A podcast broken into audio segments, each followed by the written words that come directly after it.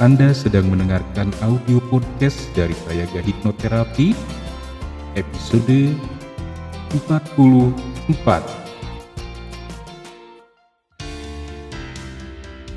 Selamat datang di serial audio podcast bersama Sayaga Hipnoterapi. Institusi penyedia layanan hipnoterapi dan konseling profesional di Kota Bandung yang membantu penanganan berbagai masalah kesehatan, emosi, dan perilaku yang mengganggu kualitas hidup.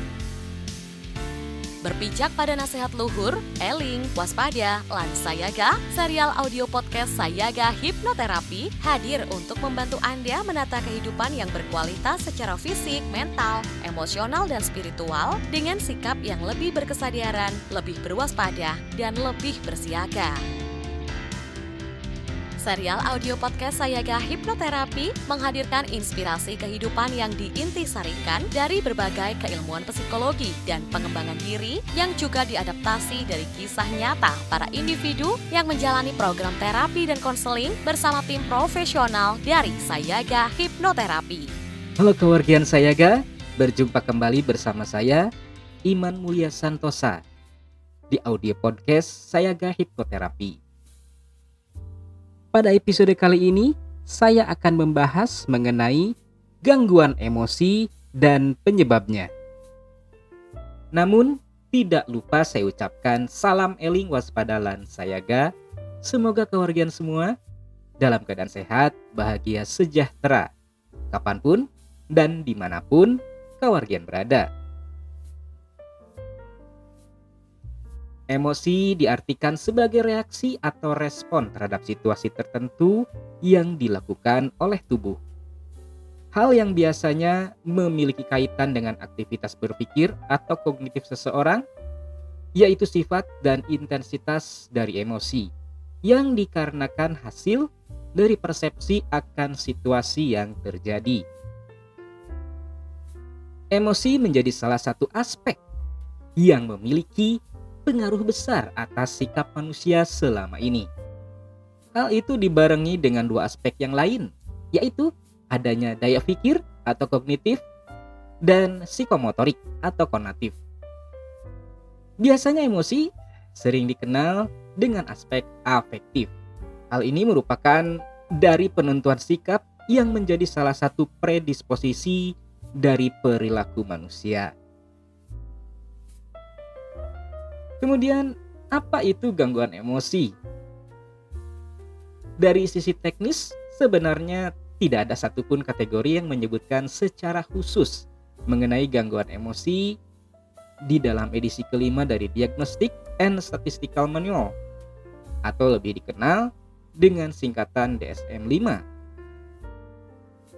Kategori di dalam DSM-5 terlalu luas dan mencakup berbagai tipe gangguan. Jadi, untuk mendapatkan definisi yang lebih akurat, gangguan emosi haruslah dipecah menjadi beberapa subset yang lebih kecil. Apa saja sih emosi yang biasa menjadi penyebab timbulnya gangguan? Berikut adalah beberapa emosi yang dapat menjadi penyebab timbulnya gangguan, yaitu yang pertama, sedih. Rasa sedih adalah emosi alami yang berhubungan dengan kehilangan dan kekecewaan. Jika hal ini terjadi berlarut-larut, kesedihan tersebut bisa menandakan depresi yang dapat berdampak pada seluruh tubuh. Depresi juga sering dibarengi dengan gejala fisik seperti sembelit, menstruasi tidak teratur, penurunan libido, insomnia, perubahan nafsu makan, dan tubuh yang tampak selalu lemas atau lesu. Emosi yang kedua adalah marah. Rasa marah adalah emosi dasar manusia. Saat kita merasa marah, tubuh melepaskan adrenalin yang dapat meningkatkan ketegangan otot dan mempercepat pernapasan. Marah yang tidak disalurkan dengan tepat akan mengakibatkan berbagai konsekuensi fisik jangka panjang. Dalam riset tahun 2010, peneliti membuktikan bahwa marah dapat meningkatkan berbagai resiko kesehatan seperti hipertensi, masalah pembuluh darah di sekitar jantung, irama jantung yang abnormal, dan proses metabolis tubuh. Marah juga dapat memicu terjadinya peradangan, sehingga meningkatkan resiko diabetes tipe 2 dan mengubah perilaku seseorang menjadi agresif, seperti minum alkohol atau merokok secara berlebihan. Emosi yang ketiga, kecemasan. Kecemasan bisa menyebabkan banyak tekanan pada perut, termasuk asam lambung. Hal ini dapat berpengaruh terhadap proses pencernaan makanan dan air di dalam tubuh. Selain itu, kecemasan juga bisa melemahkan sistem kekebalan tubuh yang membuat kita rentan jatuh sakit. Emosi yang keempat, malu atau bersalah. Rasa malu dan rasa bersalah sering kali membuat perut terasa berat. Jika ini terjadi secara terus-menerus, hal ini tentu akan mengganggu pencernaan kita. Rasa malu atau rasa bersalah yang berlebihan membuat tubuh menjadi stres yang memicu gangguan fisik seperti sakit kepala dan sakit punggung. Selain itu, rasa malu atau rasa bersalah yang berlebihan juga membuat kita beresiko mengalami gangguan kardiovaskular. Nah, selanjutnya adalah beberapa gangguan-gangguan yang disebabkan oleh emosi, yaitu gangguan yang pertama, bipolar. Gangguan bipolar adalah gangguan mental yang ditandai dengan perubahan yang drastis pada suasana hati. Penderita gangguan ini bisa merasa sangat bahagia, kemudian berubah menjadi sangat sedih. Berdasarkan data WHO di tahun 2017, ada sekitar 45 juta orang di seluruh dunia yang menderita gangguan bipolar. Gangguan ini merupakan salah satu penyebab utama cacat dan kematian akibat bunuh diri di seluruh dunia.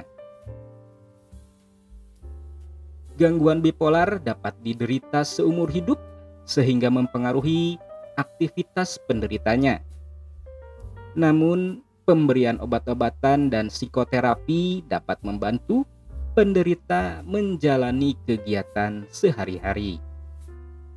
Gejala utama gangguan bipolar adalah perubahan suasana hati yang sangat drastis Perubahan ini bisa terjadi dalam hitungan jam, hari, atau bulan. Penyebab gangguan bipolar belum diketahui secara pasti. Namun, kondisi ini diduga terjadi akibat faktor genetik.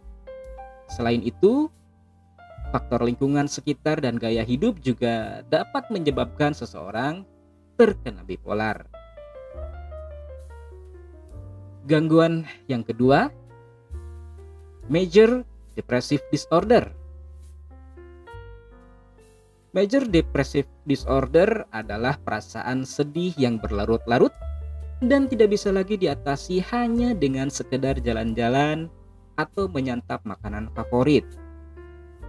Depresi ini mempengaruhi perasaan, pola pikir, hingga perilaku yang kemudian juga berdampak buruk bagi kesehatan fisik dan mental.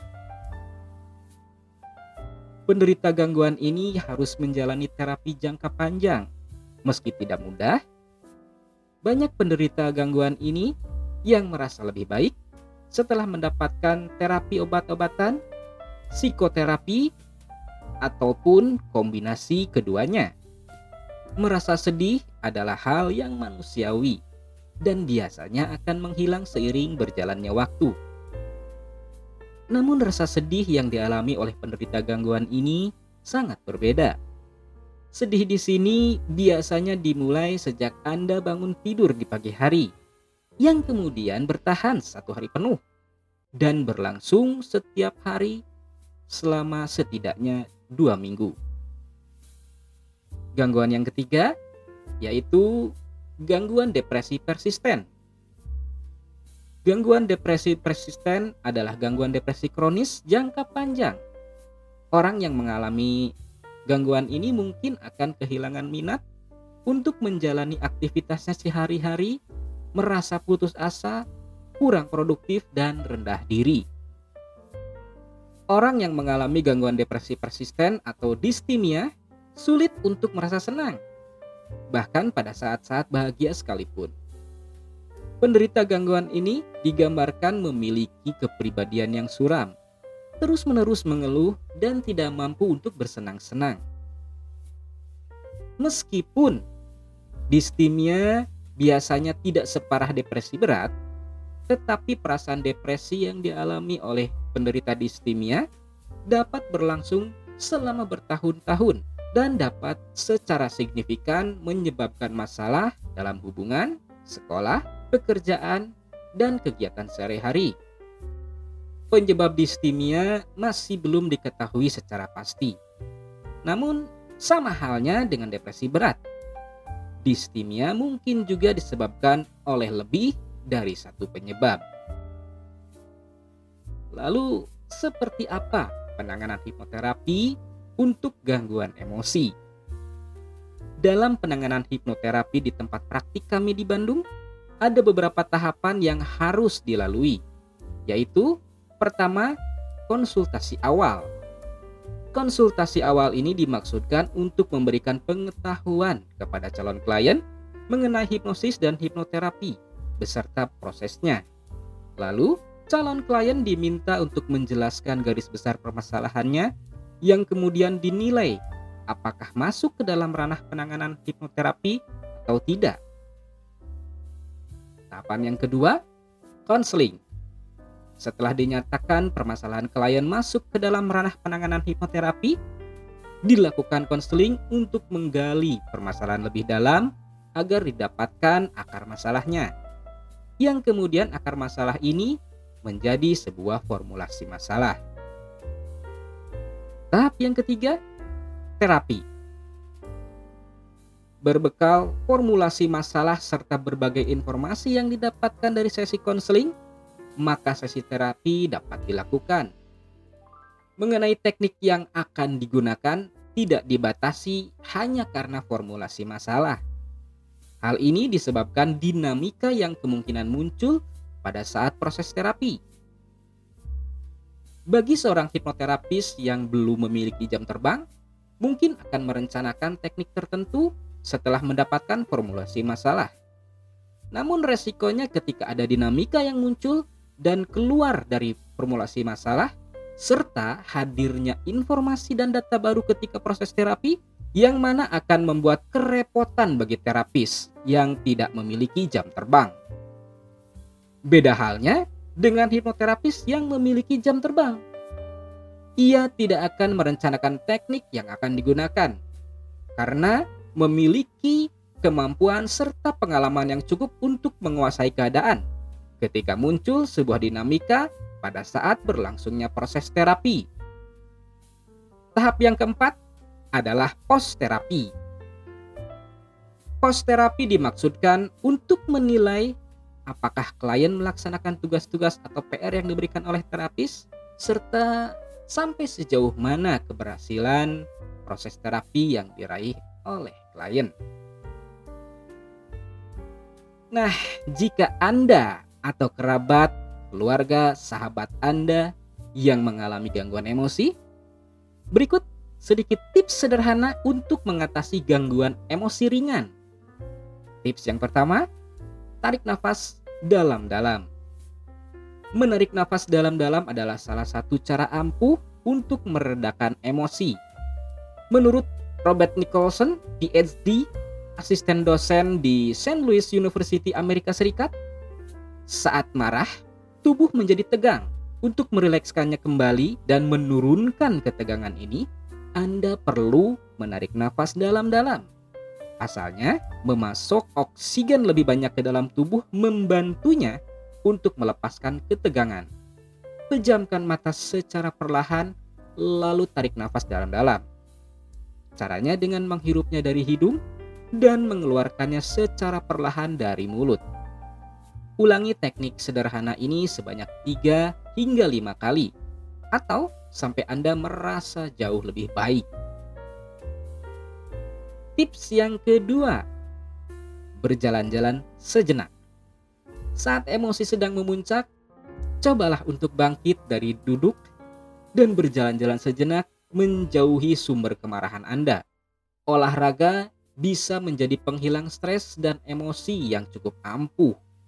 Berjalan kaki termasuk olahraga ringan yang bisa menjadi pilihan untuk memancing tubuh melepaskan hormon endorfin atau yang disebut dengan hormon bahagia. Dengan berjalan-jalan sejenak dan menjauh dari sumber kekesalan, Anda bisa berpikir lebih jernih. Selain itu, cara ini juga membantu Anda untuk menemukan pandangan-pandangan baru yang mungkin bisa menjadi solusi masalah yang sedang Anda hadapi. Tidak perlu berlama-lama, berjalan selama lima menit di ruangan terbuka sudah cukup untuk memberikan Anda ketenangan. Tips yang ketiga, tekan titik tertentu di tubuh. Daniel Su, seorang ahli akupuntur dan pengobatan tradisional di New York menyatakan menekan titik tertentu di tubuh bisa merilekskan sistem saraf. Saat marah dan juga stres, saraf akan menegang. Untuk dapat mengembalikannya pada kondisi normal, Anda perlu menekan titik-titik utama di kepala, di wajah dan tangan yang dekat dengan kumpulan syaraf. Cobalah tekan bagian dalam telapak tangan yang terletak di antara ibu jari dan telunjuk. Tekan secara perlahan dengan ibu jari dan rasakan sentuhannya. Diamkan selama kurang lebih 10 detik dan ulangi cara ini pada bagian tangan lainnya. Anda juga bisa menekan berbagai titik di telapak tangan cukup dengan ibu jari. Tips yang keempat, rilekskan otot-otot yang tegang. Untuk meredam emosi yang menguasai diri, Anda bisa merilekskan semua otot yang tegang. Cara yang satu ini sangatlah mudah dan bisa dilakukan kapan saja. Bahkan, latihan ini bisa melepaskan hampir semua ketegangan yang Anda rasakan di tubuh dalam hitungan detik. Dengan begitu, Anda jauh lebih tenang dan mampu menghadapi situasi dengan kepala dingin. Caranya mudah. Regangkan semua otot di tubuh dari mulai kepala hingga kaki. Misalnya, gerakan bahu ke belakang perlahan, putar leher searah atau berlawanan jarum jam. Lemaskan tungkai kaki dengan cara memutarnya. Selain itu, putar tubuh ke kanan dan ke kiri untuk merilekskan otot pinggul dan punggung Anda. Tips yang kelima atau yang terakhir, dengarkan musik favorit yang menenangkan. Kawargian, tahukah Anda, ritme internal tubuh ternyata mengikuti irama musik yang sedang Anda dengar. Saat sedang marah, cobalah untuk mendengar musik dengan irama yang menenangkan agar tubuh secara tidak langsung mengikuti ritmenya. Dengan begitu, nafas dan detak jantung Anda akan melambat kembali ke kondisi normal, bahkan lebih rileks dari sebelumnya. Sekali lagi, tips-tips sederhana yang sudah saya sampaikan tadi adalah untuk mengatasi gangguan emosi ringan. Sedangkan untuk gangguan emosi menengah, apalagi gangguan emosi berat, saya menyarankan Anda untuk segera melakukan konsultasi bersama profesional di bidang kesehatan mental emosional. Demikian audio podcast episode kali ini. Semoga bermanfaat bagi kewargian semua. Terima kasih. Saya Iman Mulia Santosa pamit mundur dari ruang dengar Anda. Salam eling, waspada, lan sayaga. Dapatkan lebih banyak inspirasi menarik lainnya dengan ikuti Instagram @sayaga.hipnoterapi dan podcast channel Sayaga Hipnoterapi. Kunjungi juga website www.sayaga-hipnoterapi.com untuk temukan lebih banyak informasi menarik lainnya, termasuk untuk memesan layanan hipnoterapi dan konseling bersama para tim profesional dari Sayaga Hipnoterapi di Bandung untuk membantu Anda menangani berbagai masalah kesehatan, emosi, dan perilaku yang mengganggu kualitas hidup. Mari menjalankan kehidupan yang eling, waspada, lan sayaga.